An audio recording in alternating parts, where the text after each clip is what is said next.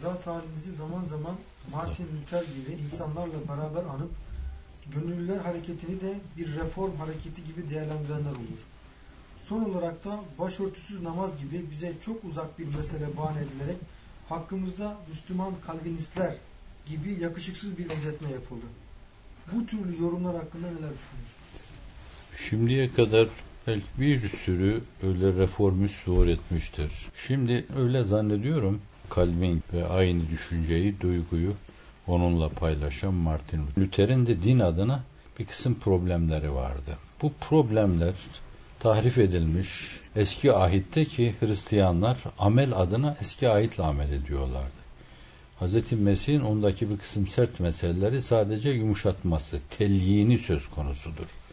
Eski ahide baktığınız zaman kurallar çok serttir yani. Savaşlardaki kurallar da çok serttir. Seyyidina Hazreti Mesih tadil etmiş bunları. Mesela birileriyle, bir ülkeyle diyelim Amerikalılarla, Kildanilerle savaştınız. Hep eski ait kendi tabiilerine, ümmetine şöyle emreder. Bunlar çoluk, çocuk, kadın, erkek bırakmadan hepsini öldüreceksiniz. Kediyi, köpeği dahi öldüreceksiniz. Hiçbir canlı bırakmayacaksınız. Hepsi onlara aittir. Çok ağırdır böyle. Dolayısıyla bu insanlar bir taraftan o şiddeti görmüşler. Hilkat mevzuundaki o tutarsız tekvin kitabına bakacak olursanız o tutarsız şeyler. Sonra dünyaya biçilen ömre bakarsanız çok tutarsız şeyler. Bu böyle az düşünen adamların, filozofların buna karşı tepkisi olmuş. Martin Luther'in de ona göre bir tepkisi olmuş.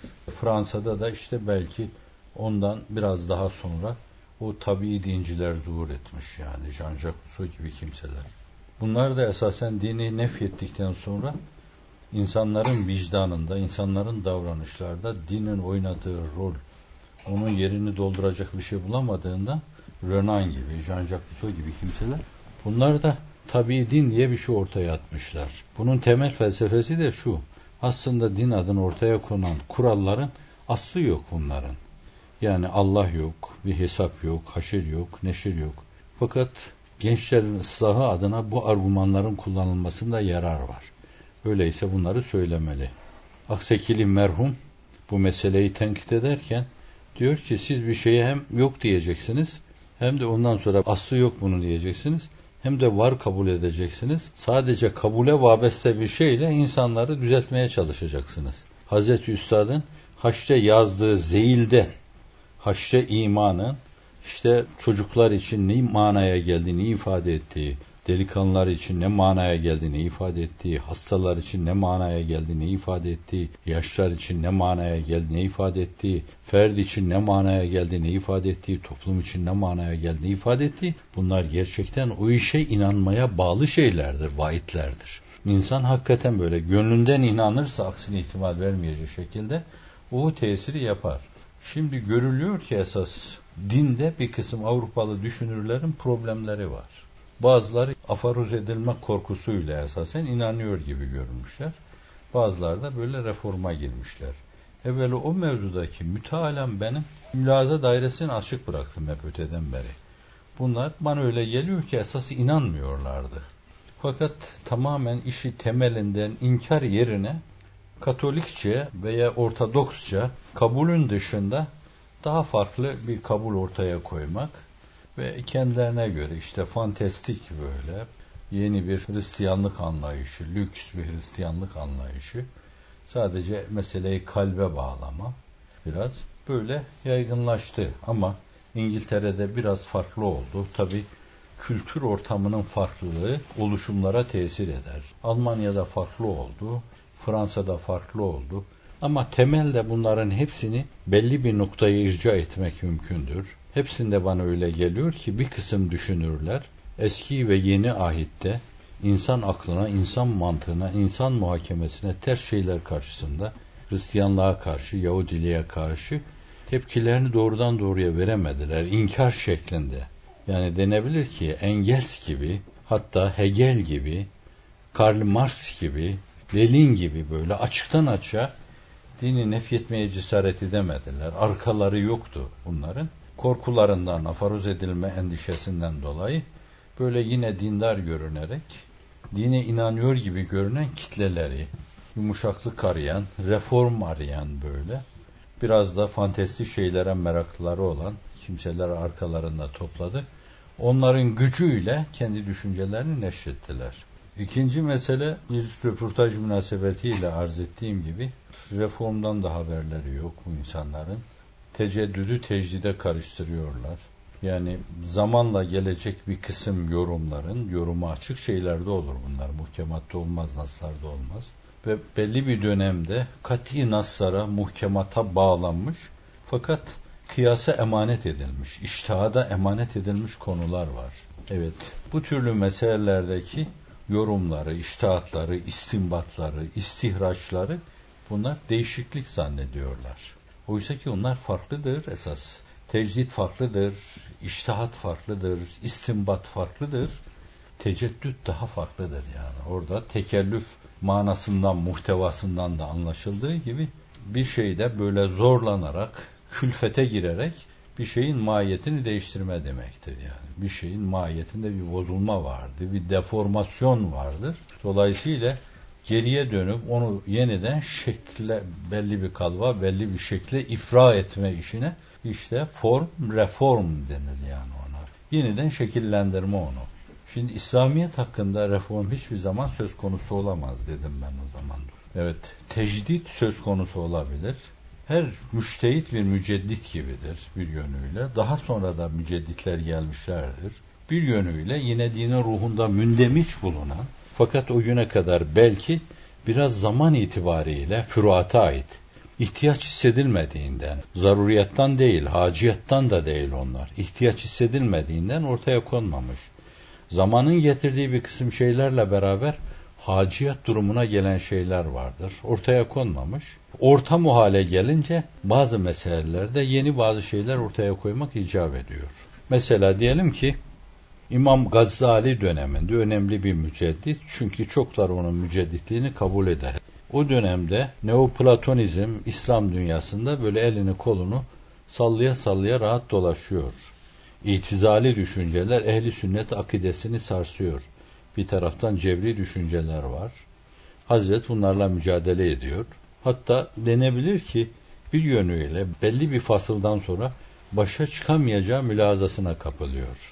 Bir sürü kitap yazdıktan sonra da yazdığı her kitapta ilmidir yani.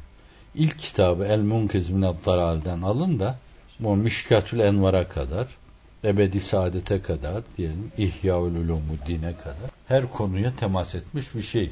Onun hakkında gibi bir mütalası var. Bu adamın arkasına takıldığınız zaman, sihirli asasının arkasına takıldığınız zaman büyüsünden kurtulamazsınız diyor. Yani Gazzali dediğiniz insan böyle sadece bizim dünyamızda dini değerlerimize sahip çıkmış bir büyük olarak takdirimizin kahramanı değil. Genel takdirin kahramanıdır o. Önemli bir dimadır, muhteşem bir dimadır. Ve mücedditliği de müsellem. Şimdi o mücadelesini bunlara karşı veriyor. Öyle bir dönemde öyle bir tecdide ihtiyaç var. İmam-ı Rabbani Hazretleri döneminde o Hindistan'ın genel akidesinden, genel anlayışından, o dinler karmaşasından, böyle Sanskritçe gibi ortaya öyle dinlerin sürülmesinde ki kendi döneminde de Ali Ekber Şah ki İslam dünyasında Ali Ekfer Şah diye bahsedilir. Hükümdar o. Müslümanların içinden çıkmış. Kendince bir şey ortaya atıyor. Diyor ki biraz Hristiyanlıktan, biraz Yahudilikten, biraz Müslümanlıktan böyle günümüze şartlara uygun ortak bir şey yapalım. Biraz ondan alalım, biraz ondan. Herkesin gönlü olsun. Böyle bir şey yapalım diyor. Şimdi Hazreti İmam-ı Hümama, İmam Rabbani Hazretlerine düşen şey o dönemde bu türlü arızalara karşı savaş vermektir. Her savaşta askeri mülaza ile ifade edecek olursak tabiye farklıdır, mevzi farklıdır, taarruz planı da farklıdır yani. Müdafaa edeceğin durumlar vardır senin. Orada müdafaa etmen lazım. Taarruza geçmen gerekli olan yerler vardır. Orada taarruza geçmen lazımdır.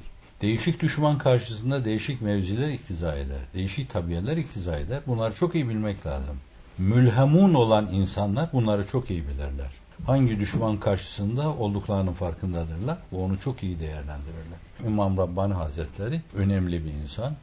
Onun döneminde de o akideyi tahsiye etme durumu söz konusu oluyor. Ali Ekber Şah tarafından içeriye atılıyor ama Fakat o oğlunu kurtarıyor. Alemgir'i kurtarıyor.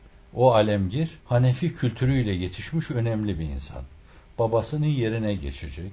Hapishanede Hazreti İmam'ı ziyaret edince diyor ki babamı ben bertaraf edeyim mi diyor. Oğlum diyor babana itaat et diyor. Babanın hakkı vardır diyor. Akıllı insan. Efendimizin aynen Abdullah İbni Übey İbni Selun'un oğluna dediği gibidir bu. Evi, bu sarayı kendi içinden fethediyor. içine giriyor. Ve sonra alemgir günü geliyor, işin başına geçince fetavayı alemgiriye hazırlıyor. Hanifi fıkhında kısmen böyle mükemmel tedvine doğru bir adım diyebileceğimiz önemli bir kitaptır o. Tenkih yapılmış bir kitaptır. Yani hayatın değişik alanlarında istifade etmek için başvurulacak kitaplardan birisidir.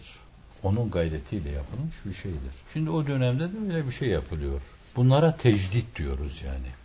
Teceddüde gelince işte o reform demektir yani. O mevzuda bir şeyin mahiyetini değiştirme, farklılaştırma, farklı bir kalıp içine sokma filan demektir.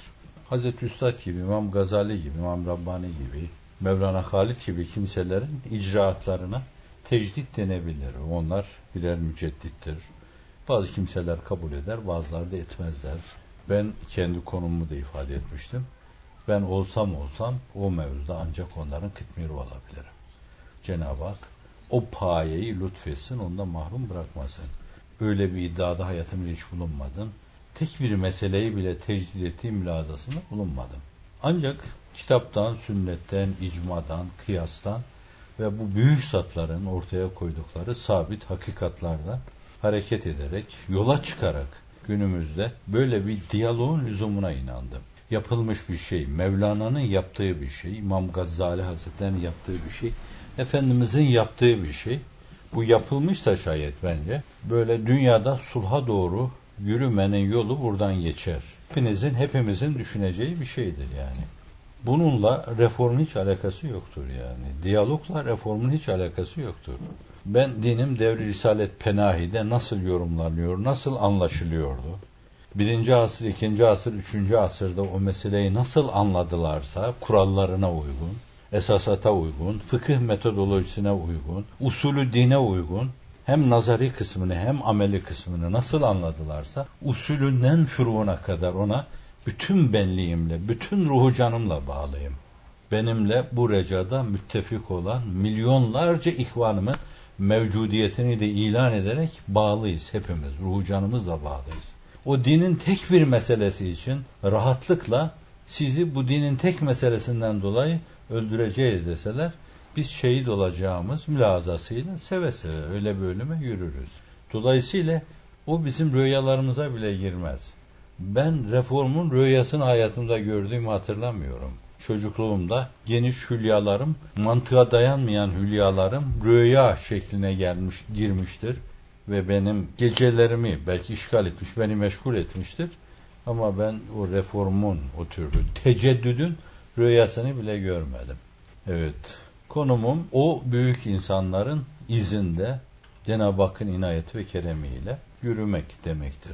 Bir terminolojiye bu kufsuzluktan dolayı ulu orta konuşmadan kaynaklanıyor bunlar. Bir Müslüman İslam esaslarına bağlıysa ne Kalvinist olur, ne Luterist olur, ne Reformist olur. Müslüman Müslümandır. Din bir vazi ilahidir. İnsanları iradeleriyle mutlak hayra sevk eder. Bir Müslüman da o din ile mütedeyyin, o diyanetin temsilcisidir. Başka türlü olması da mümkün değildir. Bu da meselenin bir yanı, diğer yanı. Bir diğer yanı da bu mevzuda konuyla alakalı küçük bir iddia, bir iddia reşhası olması lazım. Yani bir insan bir yerde konuyla alakalı bir şey sızdırmış olması lazım. Bu yoksa söylenen sözler, yazılan şeyler düpedüz iftiradan ibarettir.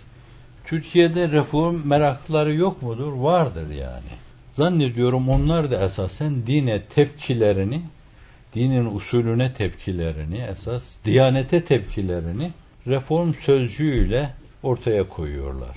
Esas bunlar dinden rahatsızlar.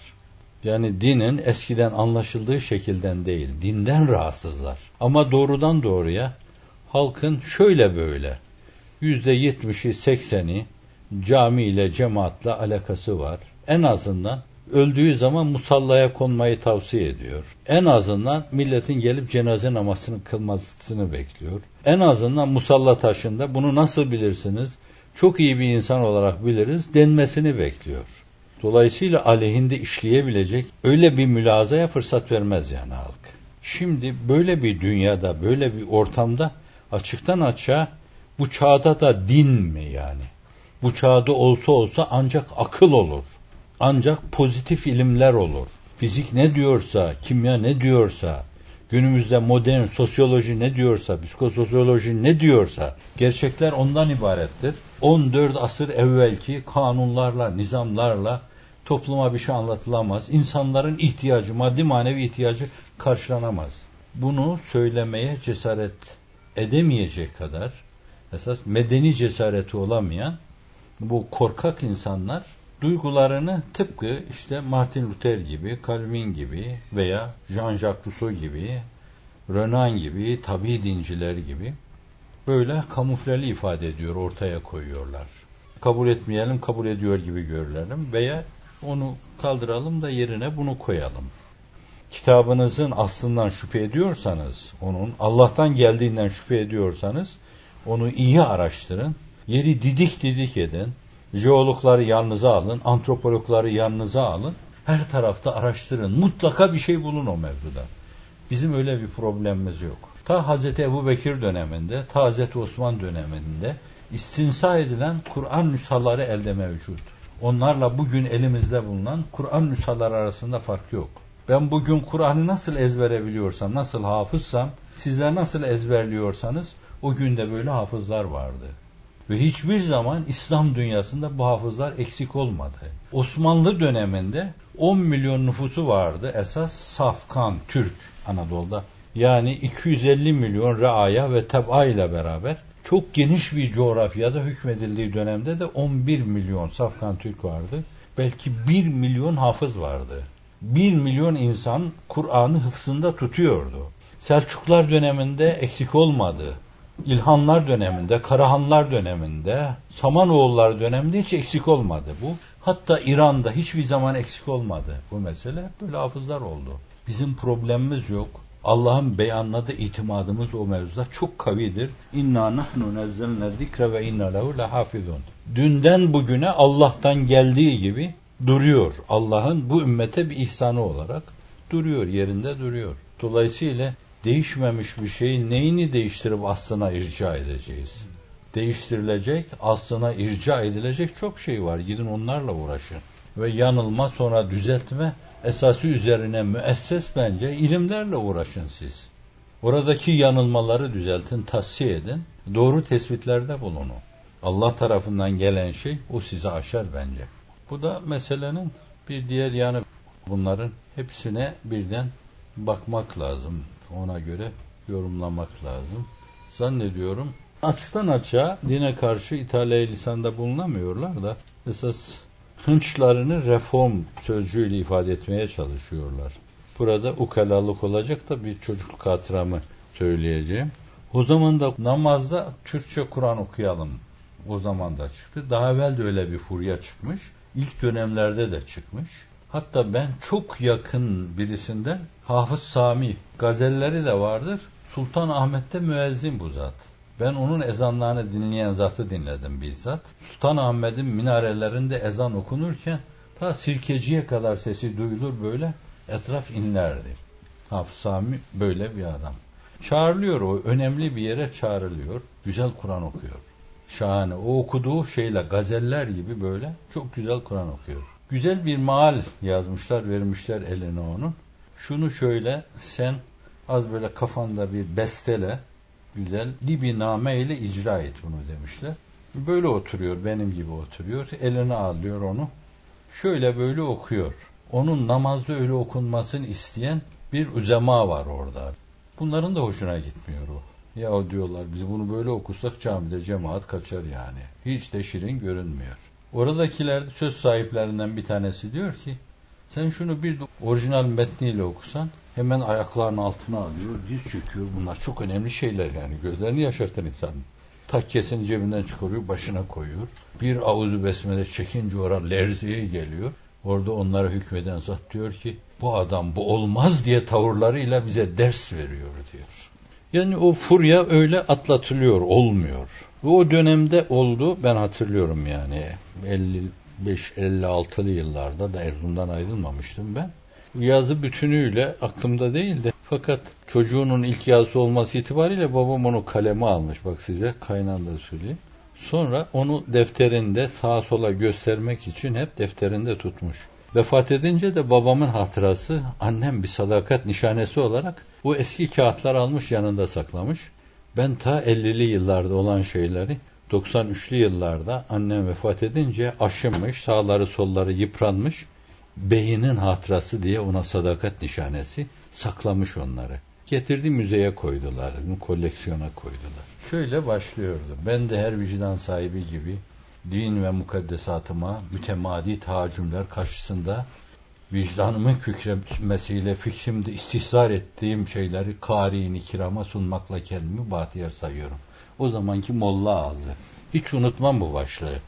Şimdi Kur'an-ı Kerim, Kur'an-ı Kerim çevrelerini Solak Saadet tarihinden misaller veriyoruz. Yanko bin Madiye filan, kehanetler, mahanetler. İncil'in ve eski ahidin başına gelen çevirmelerle felaket neyse Kur'an'ın başına aynı şeyleri getirme ifade ediliyor. Dünya kadar insan yazı yazdı. Ben de o yazı Fetih Gazetesi'ni İstanbul'a gönderdim. Neşrettiler mi etmediler mi hala bilmiyorum. Rahmetli hocama okuduğumda gönder demişti bunu. Fethi'ye gönder demişti. Çocukluk hatırası. Şimdi bu defaatla denendi yani. Böyle bir şey yapalım bu işe. Bu noktadan girelim falan dediler. O zaman da tutmadı. Hatırlıyorsunuz siz televizyonlarda yine apuk sapuk konuşmaya başladılar. Değişik paneller tertip ettiler orada. Okunabilirmiş, okunamazmış falan dediler. Kimin maali okunacak? Senin maalin şunu tutmuyor, şu şunu tutmuyor. 50 tane maal getirin hiçbirbirini tutmuyor. Binaenaleyh en azından yani bu namazda okunur falan derken acaba cemaatin hissiyatını, durumunu, o mahalleri bilen insanların durumunu hiç hesaba katmıyor musunuz? Cemaat birisinin malinden bellemiştir onu. Elhamdülillahi Rabbil Alemin. Övgü ve saygı göklerin ve yerin yaratıcısı Tanrısı esirgiyen koruyan Tanrı'ya mahsustur dedin sen. Öbürü de dedi ki hamd ve sena alemlerin Rabbi Allah'a mahsustur dedi. Cemaat arkadan yanlış okudu diye demeyecek mi yani orada? Böyle namaz mı olur?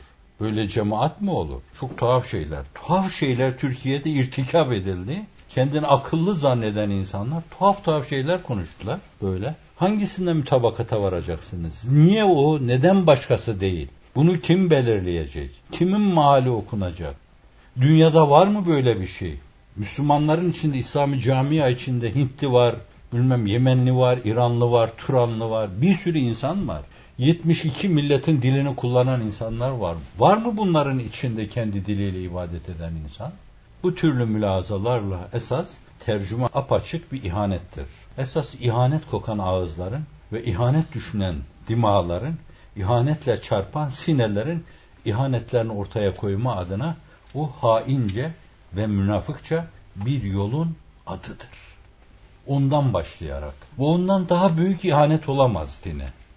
Şimdi Kur'an'ın böyle açıklamalı maalleriyle ez cümle galiba Cenab-ı Hak burada şöyle buyurmak istiyor mülahazasını içinizde hasıl etmek için öyle açıklamalı mealler yazmada mahsur olmayabilir. Ayrı bir şey. Esası tefsirdir. Öteden bu yana esası tefsir o meseleler. Zannediyorum bu türlü düşünen insanlar esas maksatlarını gizleyerek böyle nifaki bir mülahazayla ya reforma işte sığınıyorlar ya tercümeye sığınıyorlar. Fakat asıl hedefleri dinin kendisidir. Dinin öz ruhudur. Dinin semaviliğidir. Semaviliği arziliğe çevirme gayretinden ibarettir. Allah şimdiye kadar o türlü düşünen insanlara hiçbir zaman o fırsatı vermedi. Bundan sonra da inşallah vermez. Vermeyecektir ve vermesin inşallah. Arzuları kursaklarında kalsın.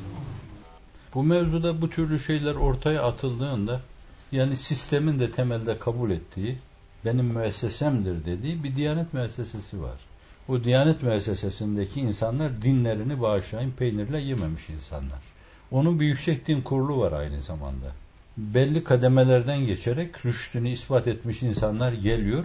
En son o kurulda vazife görüyorlar. Benim de uzaktan tanıdığım insanlar var. Kıymetli insanlar var. Ve şimdiye kadar da orada hizmet veren kıymetli insanlar tanıdım.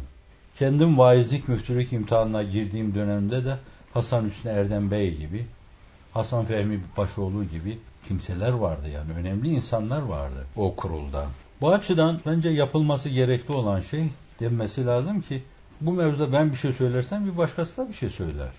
Bir başkası da bir şey söyler. Bir başkası da bir şey söyler. Halkın efkarını darman duman etmiş oluruz. Teşettüte araya sebebiyet vermemenin bir tek yolu vardır. O da merci vahdeti. Arkadaş bu mesele ancak Diyanet'e sorulur. İlle de merak ediyorsanız bir mektup yazarsınız. Ankara Diyanet İşleri Başkanlığı kolay bir adrestir. Yüksek Din Kurulu. Dersiniz ki böyle bir şey var. Ne buyuruyorsunuz bu mevzuda? Çıkın bir beyanat verin. Oraya havale ederseniz bence bir ağızdan söz çıkar. Diyanet İşleri Başkanı kalkar, o kurulu temsilen veyahut da o kurulun başkanı kalkar, kurulu temsilen der ki bu mesele şimdiye kadar defaatli ortaya atıldı ve buna olmaz dendi. Dinin ruhu açısından, Diyanetin ruhu açısından olmaz dendi. Bundan sonra farklı bir şey söylememiz bizim mümkün değildir derler. Olur biter ve böylece efkarı dağıtmamış oluruz. İşi ayağa düşürmemiş oluruz. Yoksa na ehil insanlar konuşunca kalkıp öbürü de ben de konuşabilirim diyor. Öbürü ben de konuşabilirim diyor. Öbürü ben de konuşabilirim. Bana şimdi değişik konularda çok basit böyle meseleler sorunca arkadaşlara umumu alakadar etmeyen belki bir şeyler konuşuyorum. Fakat Türk toplumun kaderiyle alakalı, dinin ruhuyla alakalı ve bir de bu türlü polemiklere sebebiyet veren meseleler gelince ben hep adres olarak Diyaneti gösteriyorum. Diyorum ki orada yüksek din kurulu var. Oraya sorun. Bana ne soruyorsunuz bu mesele? Acaba bir şey diyemem mi o mevzuda? Belki benim de diyebileceğim türden bir şeylerdir nihayet. Fakat dinin hatırına, diyanetin hatırına, toplumun teşettütü ara yaşamaması hatırına bence yapılması gerekli olan şey budur. Merciğini havale etmek bu mesele. Vesselam. Allahümme ayinna ala zikrik ve şükrik ve hüsnü ibadetik. Allahümme inna neselükel huda والتقى والعفاف والغنى. ربنا لا تزغ قلوبنا بعد إذ هديتنا وهب لنا من لدنك رحمة إنك أنت الوهاب. ربنا اغفر لنا ذنوبنا وإسرافنا في أمرنا وثبت أقدامنا وانصرنا على القوم الكافرين.